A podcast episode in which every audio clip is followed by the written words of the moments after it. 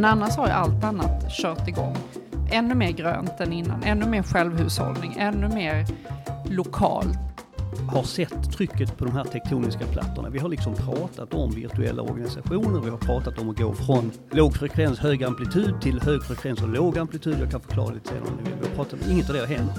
Och, och med rätt eh, sätt att göra detta så tror jag absolut att även arbetet med klimatfrågan också har fått en boost av detta och vi gör det på rätt sätt.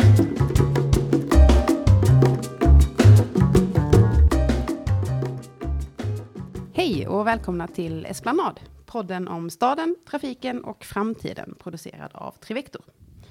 Jag heter Caroline Ljungberg Tolson och idag så befinner jag mig på Trivectors huvudkontor i Lund. Och med mig så har jag tre gäster. Sofia Ulver, Troed Troedsson och Christer Ljungberg. Välkomna till podden allihopa. Tack så mycket. Tack. Kul att ha er här.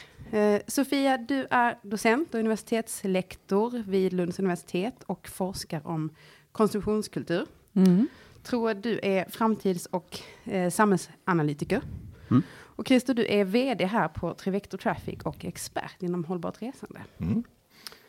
Och vi ses ju här eh, på plats. Vi står på väldigt coronavänligt avstånd här inne.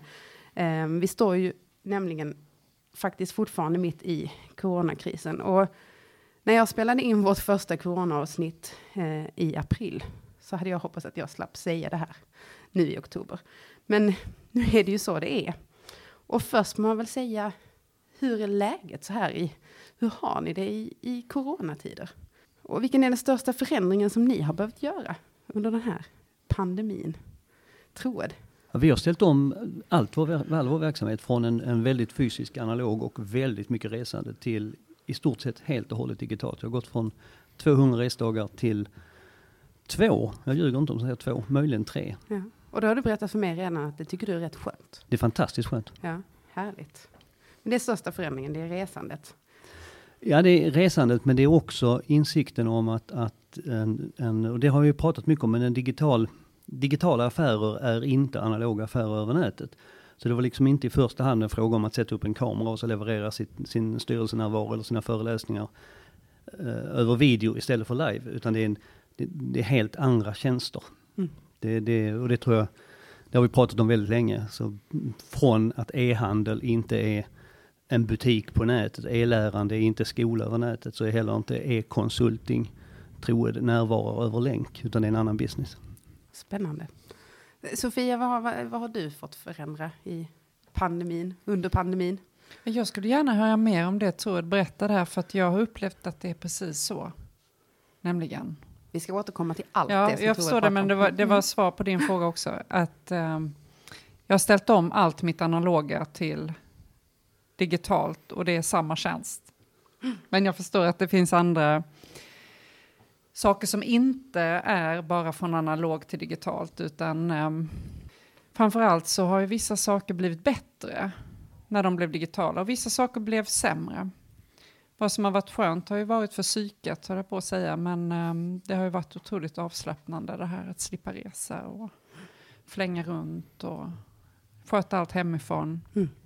Jag har haft lite svårt att fixa schyssta green screens till mitt hemmakontor. Eh, det har varit min stora huvudbry och en bra mikrofon. Det är det många som Ja. lider av. Mm. Mm. Och så skulle man vilja ha lite större rum, det här eh, kontoret där hemma då, så att man hade kunnat sköta sina föredrag snyggt där. Men det, det är lite... Då får man köpa nytt hus och då har fastighetsbranschen gått upp. Ja, Precis. Ja, spännande, vi återkommer till allt det här. Christer, vad har du fått? Ja, Förändra. det, en ganska stor förändring tycker jag. Eh, Som konsulter, som ju är de flesta på Trivector, så har ju det ändrats totalt. Och framförallt är att vi inte ses till vardags mer än några stycken. Så här, här på kontoret i Lund brukar vi kanske vara 15 stycken som är här nu. Och normalfallet så är vi kanske 40. Det är en rätt stor skillnad. Men också det som ni har sagt, det har ju ändrats sättet vi arbetar och så ganska rejält. För egen del höll jag har jag räknat ut att de senaste 10-15 åren, jag har inte hållit så många föredrag som troende, men jag har hållit kanske 50-60 om året. Också flängt ganska mycket. Det sista höll jag den 12 mars. På stadsbyggnadsdagarna i Borås. Sen var det tack och adjö för det. Och nu har det ju som sagt börjat komma tillbaka. Idag ska jag hålla det första fysiska föredraget faktiskt ikväll på Halmstads bibliotek för 50 pers där. Det känns ju lite konstigt, annars har man ju fått lära sig nu att gå över till helt digitala varianter av detta och det är jättespännande. Och det är verkligen inte samma sak, det kan man bara konstatera. Känns det nervöst inför ikväll? Nu Ja, nästan så. Man känner, oj, ska jag se folk i ögonen nu också? Ja. På riktigt. Det är bortom all sannolikhetslära att mitt sista föredrag också var på stadsbyggnadsdagarna i Borås.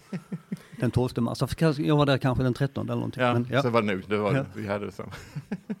det stämmer. Ehm, vi kan inte låta bli, vi är ju på Trivector och vi kan inte låta bli att prata lite om resande, för det är ju det vi håller på med här. Och också kopplat till våra beteenden, för normalt sett så brukar man prata om beteenden och att de är svåra att ändra, för vi sitter fast i normer och vi sitter fast i kultur. Och alla som jobbar med att försöka skapa ett hållbart transportsystem vet att så är det. Men med den här coronapandemin så har det liksom blivit helt tvärtom. Och på en vecka i mars, för det var, alltid, det var just i mars som allt hände, eh, så ändrades normen. Man ska inte resa mer än nödvändigt för att minska smittspridningen. Och eh, sen eh, hittills i år så har bilresandet i Sverige minskat med 8,5 procent. Och detta trots att kollektivtrafiken då har minskat sitt resande eftersom vi rekommenderas att inte resa kollektivt. Eh, Och, och man trodde ju aldrig att man skulle få se reklam från SL som säger du som kan, res med bil. Res helst inte med oss. Tack. Och dessutom så ser man ju också att cyklandet har ökat och vi ser sådana här pop-up cykelbanor runt om i hela världen som bara eh, poppar upp. Det är ju jättemycket spännande som har hänt. Vad betyder det här? Och, och kommer vi fortsätta så här? Mm. Kommer beteendet att finnas kvar sen? Det är ju en väldigt spännande fråga. Det ska jag prata om på Halmstad bibliotek ikväll. Vad ska du säga då?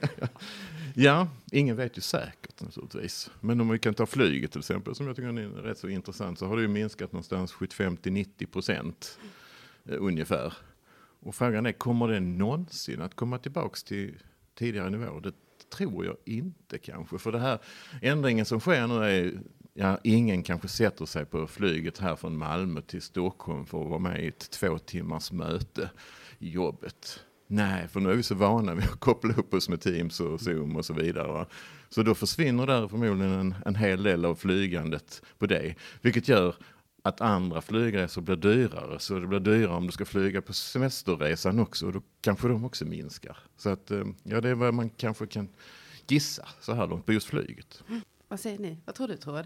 Jag tror, vi så här att, sen? jag tror att mycket av beteendena kommer att sitta kvar därför att eh, i min värld är det som en, det är som en jordbävning, alltså det, det byggs upp ett tryck mellan sådana här tektoniska plattor.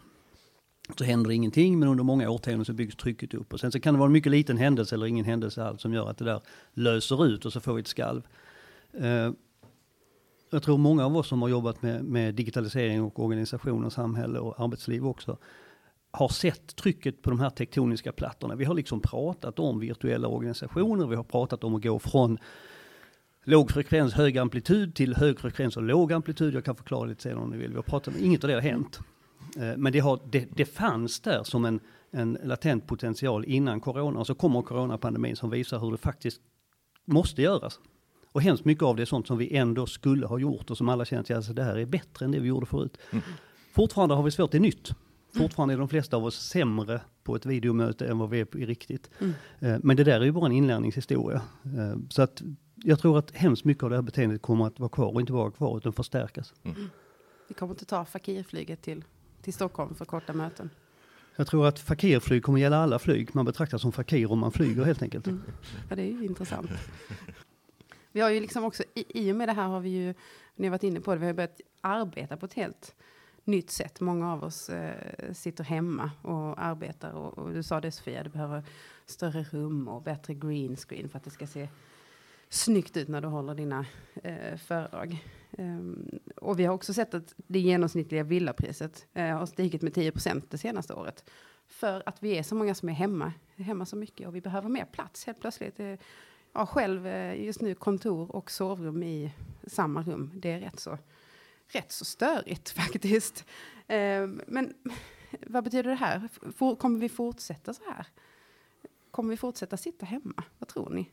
Behöver vi inte träffas? Jo, det behöver vi. Även om vi nu läser om att de stora amerikanska bolagen som Google och Facebook och sånt säger att eh, vi kommer inte att kräva att folk ska vara på jobbet någonsin och så kan vi börja anställa folk över hela världen istället som jobbar. Men de sa faktiskt samtidigt också att vi kommer att ha kvar kontoren för de är viktiga för den sociala delen så att säga. Men det finns inte det här kravet att du måste vara där varenda dag. Och så kommer det säkert att bli för ganska många. Kanske inte lika tufft men fler kommer att jobba hemma. Det tror jag. Mm. Vi stod ju och pratade här innan, eh, tror jag, och du sa det att eh, att du tycker det är himla skönt nu. Jag är ju eremit och enstöring så jag, inte, jag, kan inte använda mig själv som referensram. Men jag tror vi kommer behöva träffas men jag tror att vi har, vi har byggt kluster, det är det vi gör. Um, vi pratar mycket om ungdomar till exempel i gymnasieskolan och uh, måste inte ungdomar träffas? Jo det måste de. Uh, däremot finns det ingenting som säger att de ungdomar som behöver samma mattekurs också är de ungdomar som skulle må bra av att hänga med varandra. Eh, så delar man upp, bryter upp det klustret, det är, det är ett klassiskt eh, sociopedagogiskt kluster, bryter man upp det och säger att de här ungdomarna behöver träffa varandra och prata med varandra om alla möjliga saker. Och sen har vi ett annat gäng ungdomar som behöver lära sig matte och de behöver just nu en kurs om integralkalkyl. Och löser de för var och en för sig så får man två strukturer. Man får en pedagogisk struktur och man får en social struktur. Och den kommer säkert vara någon sorts delmängd i mitten där bägge två sammanfaller. Va? Men det, det är inte som nu 350 ungdomar som går till Spyken därför att de både behöver träffas och lära sig matte. För det är ett, ett egentligen väldigt artificiellt kluster som inte går att förstå om det inte vore för att skolhuset står där. Det hänger alltså inte ihop? Nej, det hänger inte Nej. ihop. Uh, och i, i många fall så skulle jag säga att arbetsplatsens befolkning och de människor jag skulle behöva träffas också får utvecklas hänger inte heller ihop. Alltså de, de har beröringspunkter självklart, men att de 80 som jobbar på mitt företag också skulle vara de 80 som är optimala för min personliga utveckling är ju naturligtvis bisarrt som tanke. Mm. Jag tänkte på eh, en annan sak som har förändrats under coronapandemin och det är ju våra eh, konsumtionsmönster.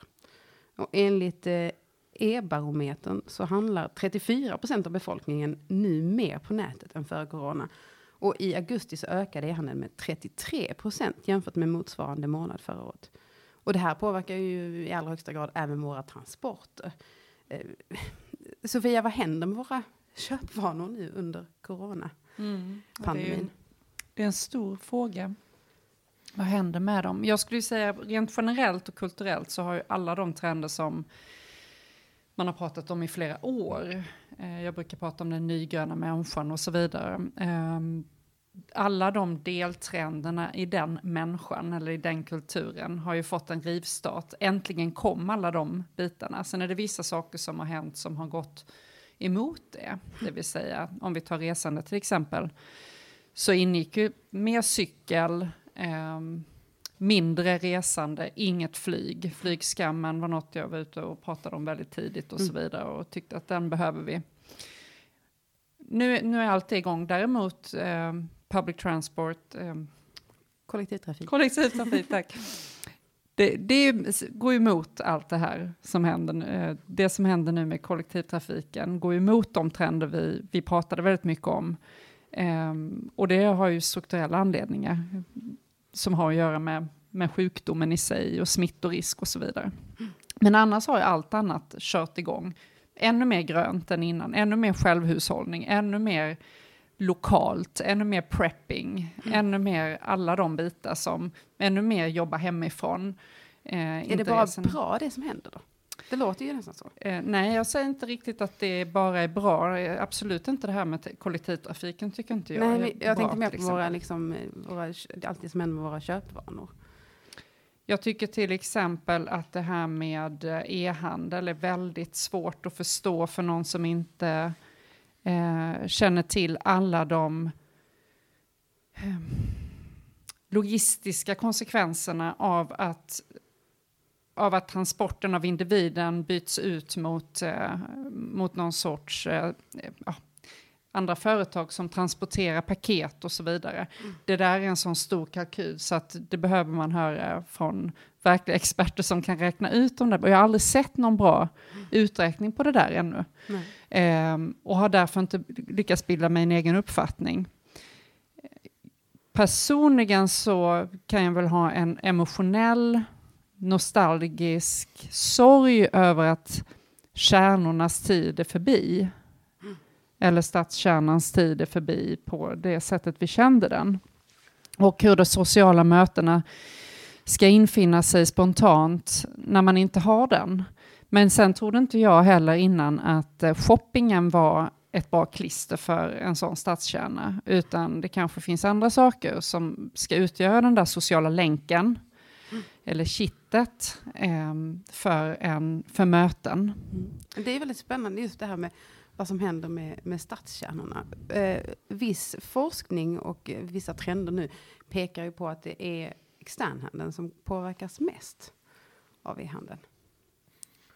Externhandeln som i shoppingcenter och köphandel. Ja. Och det är ju inte konstigt, det är också en sån där trend som vi har pratat om väldigt länge, att det där är bara en dödsryckning av konsumtionssamhället, alltså den värsta avartens avart, liksom. monstret på, mm. i, på stan. Liksom. Eh, köpcentrats framtåg. Och nu när de dör i USA så tar det ytterligare några år för dem att dö här. Men vissa kommer säkert att klara av att existera för att det finns ett de facto behov, som folk brukar kalla det, eh, av att man måste snabbt fixa saker och fysiskt kunna få med sig införskaffning, direkt införskaffning.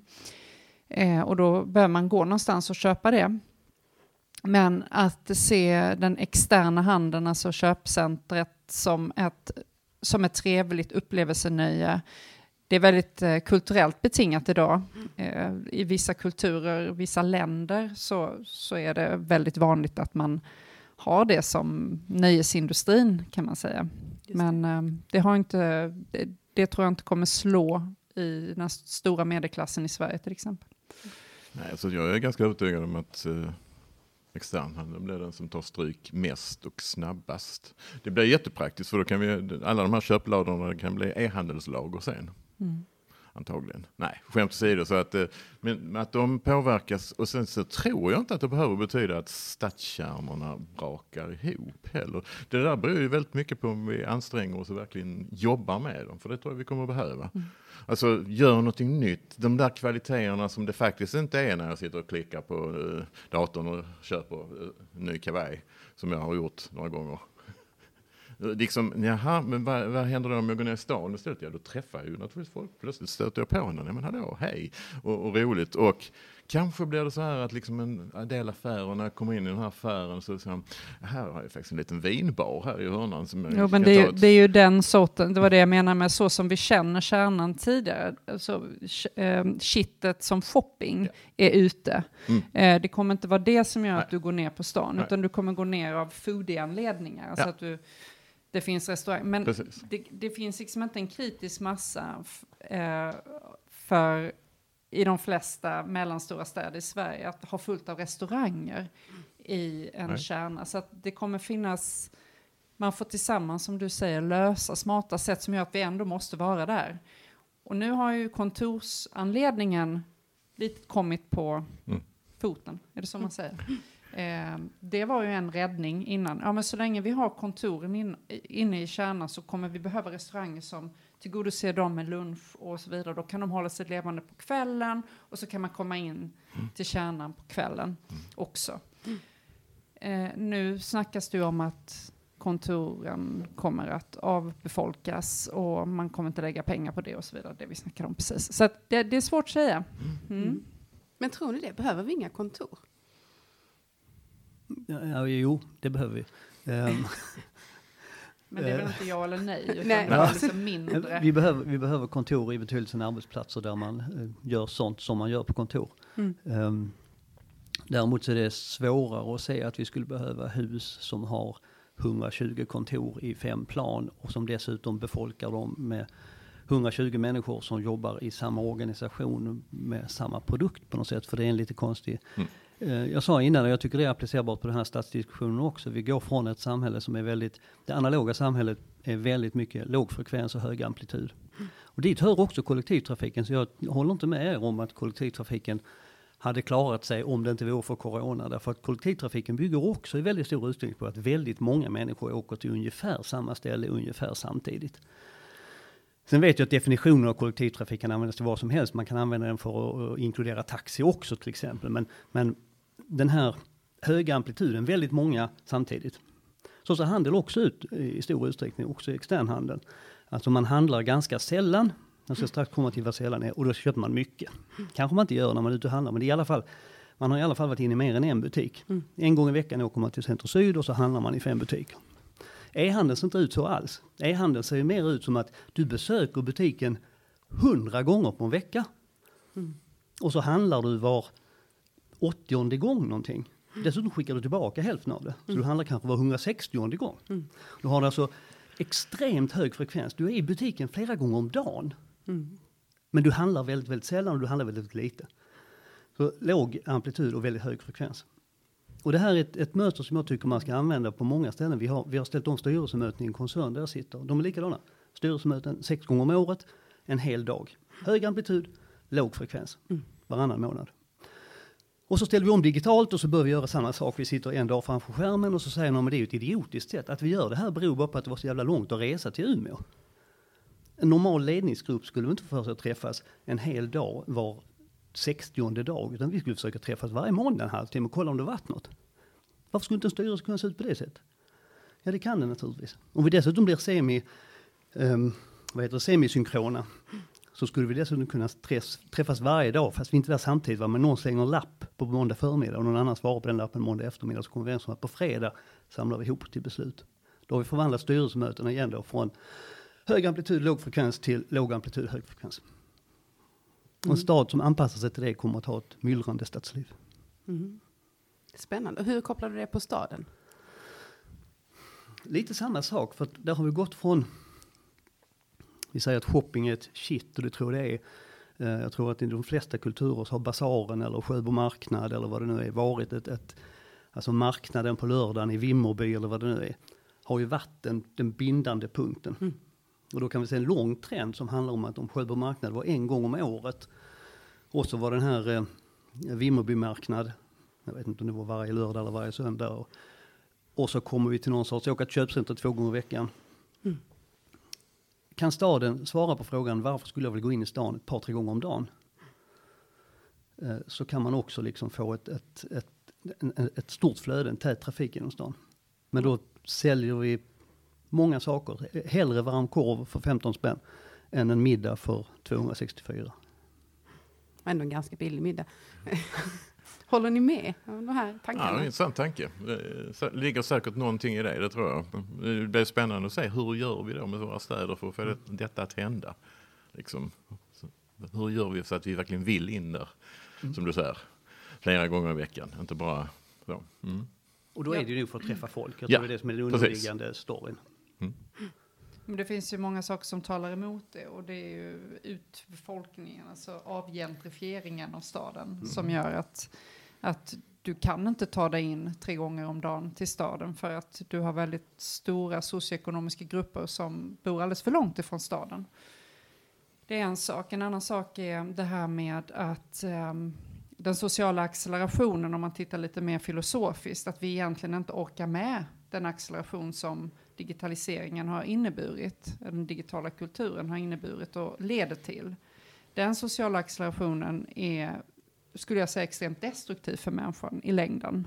Vi har inte haft möjlighet att stanna upp och se vad den gör med oss.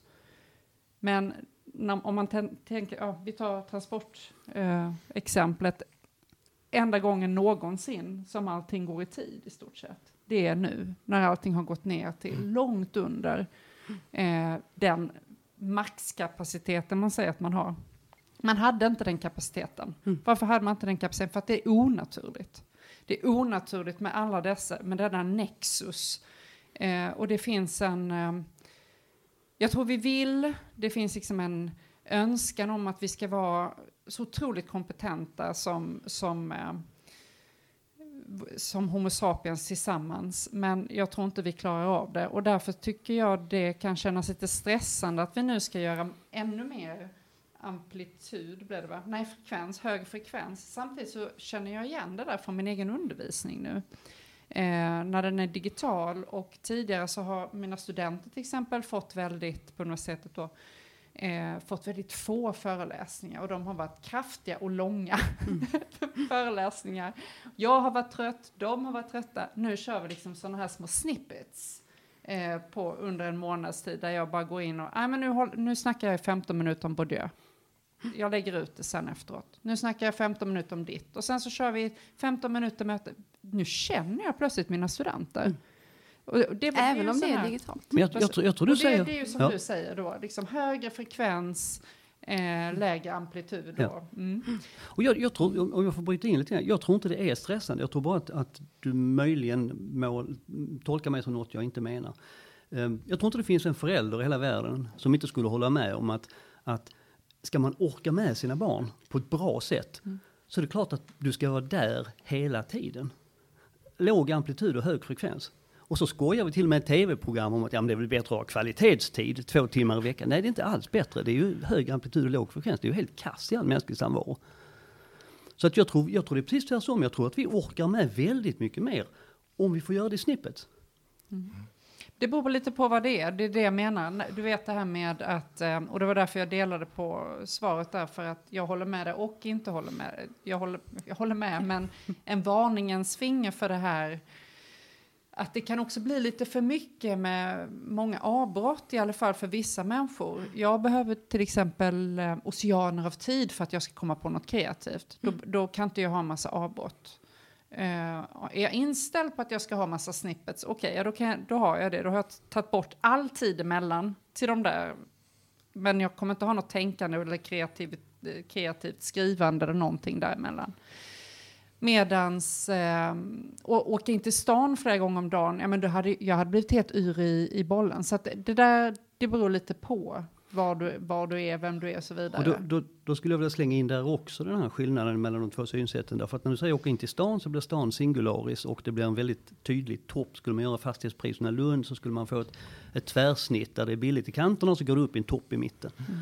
Jag tänker mig flerkärniga städer. ja, det gör jag i och för sig Där också. varje, stads, varje stadskärna är i princip på promenadavstånd från de som vill vara där. För det finns ingen anledning att ha en kärna för 100 000 människor. Det, det har vi liksom ingen glädje av. Jag behöver en kärna för ett par tusen människor.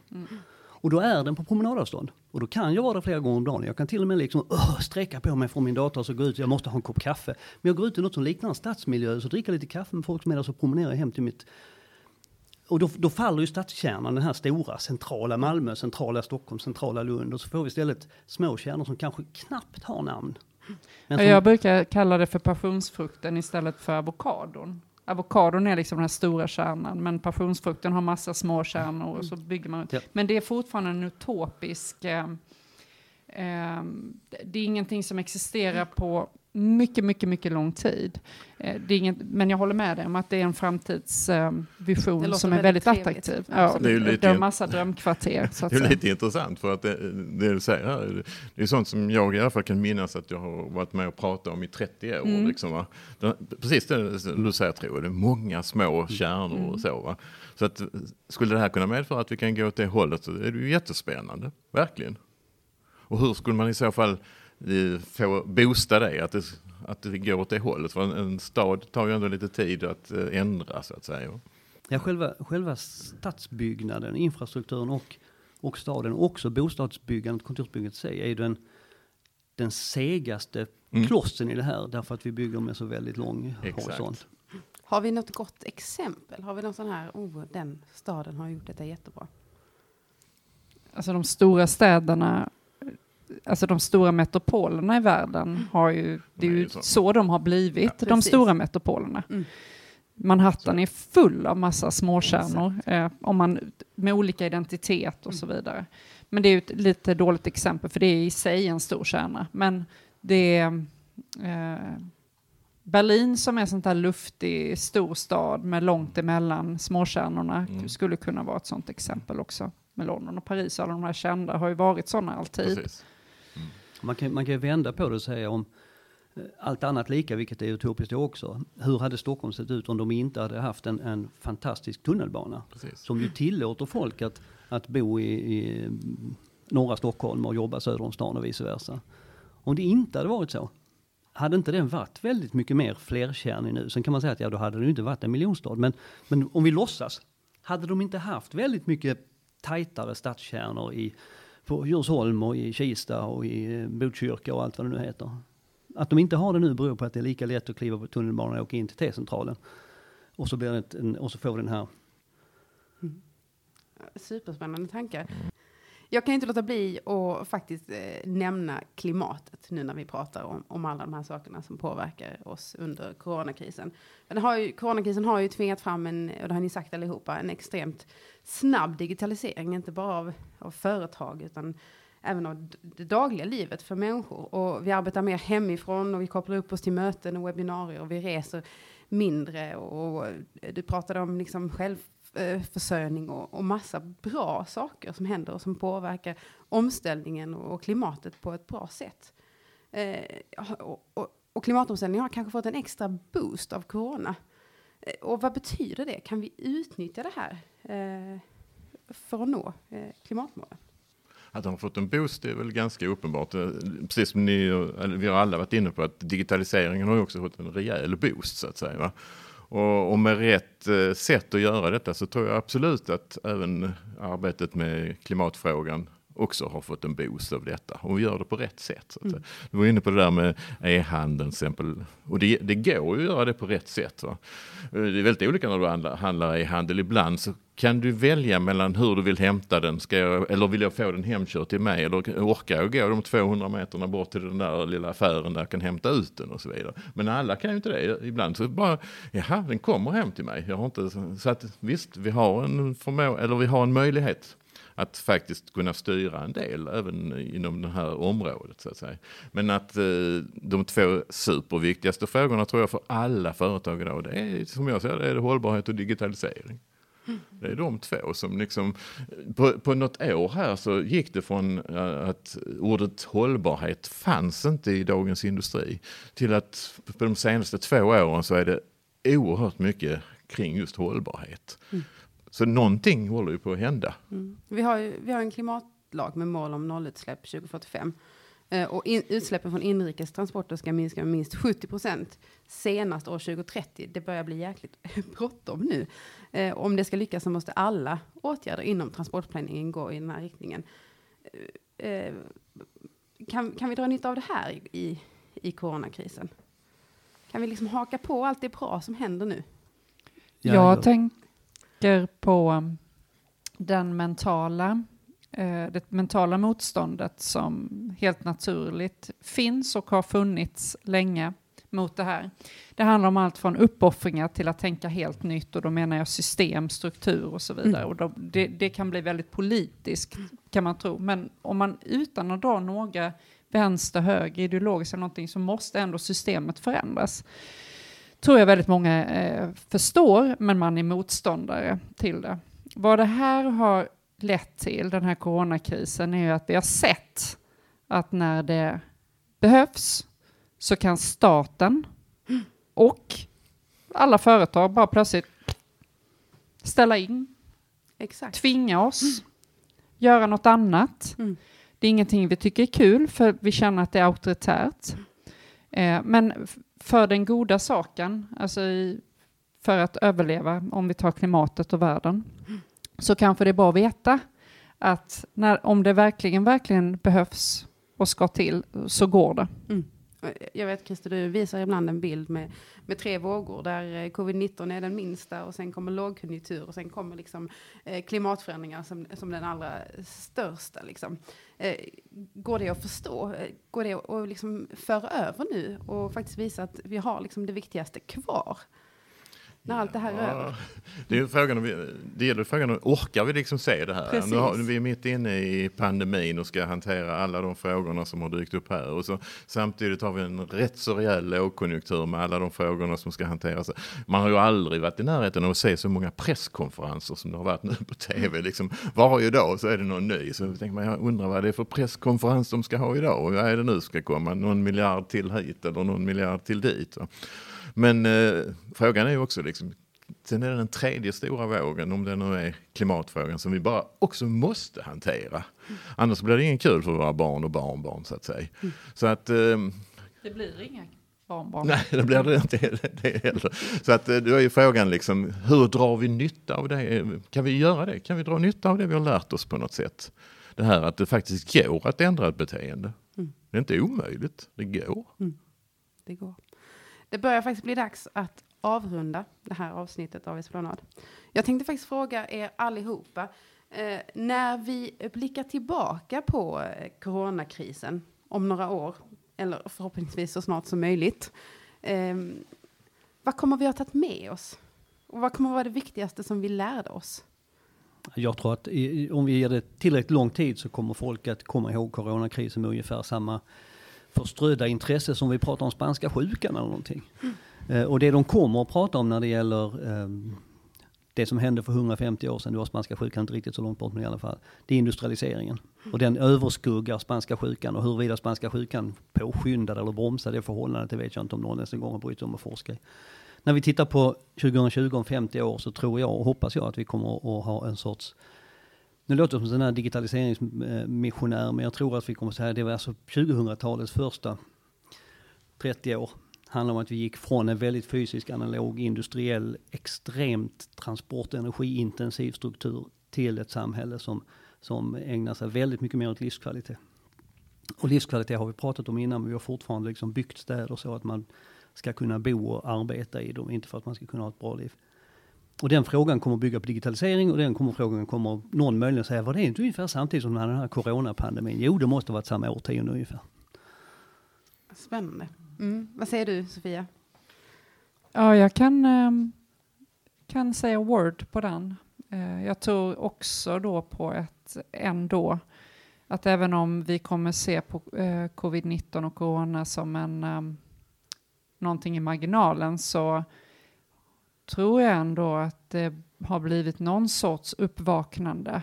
Alltså den här globala pandemin eh, tror jag väl är unik rent historiskt, att hela globen upplever någonting eh, exakt samtidigt på lite olika sätt. Men att globaliseringen som har varit en sån självklar process, mega gigaprocess, att det kommer ett uppvaknande i den. Vad är det som, vad är det som försiggår? Vad ska vi göra med det här? Hur ska vi tänka filosofiskt, existentiellt och politiskt för att eh, stoppa det negativa och ta nytta av det positiva? Jag, jag tror, jag håller med om allt ni säger, men jag tror också att vi kommer att minnas det här som den här tiden när oj, det hände så mycket då och vid den här tiden. Vi, vi ändrade oss, vi lärde oss att bli allt mer digitala och det försvann en massa onödiga resor och, och vi hanterade detta på ett bra sätt. Och det, det var nog den där coronan som fanns där, men det, det kanske, jag håller med, det kanske inte blir den vi minns, utan det blir de här stora omställningarna som det här har medfört helt enkelt. Mm. Mm. Det låter faktiskt rätt skönt att höra det här. Det kommer inte vara coronan som vi tänker på, utan det kommer vara någonting eh, som vi ser tillbaka på. Att det var nog då det hände det här. Vi, vi vande oss vid nya saker och vi blev mer digitala. Och någonting hände rent eh, globalt. Jättespännande. Tack så hemskt mycket för att ni var med i detta avsnitt av Esplanad. Tack. Tack. Tack, tack. Vill du veta mer om podden eller om Trivector? Besök då trivector.se. Och har du tips eller tankar om podcasten? Hör av dig till esplanad@trivector.se.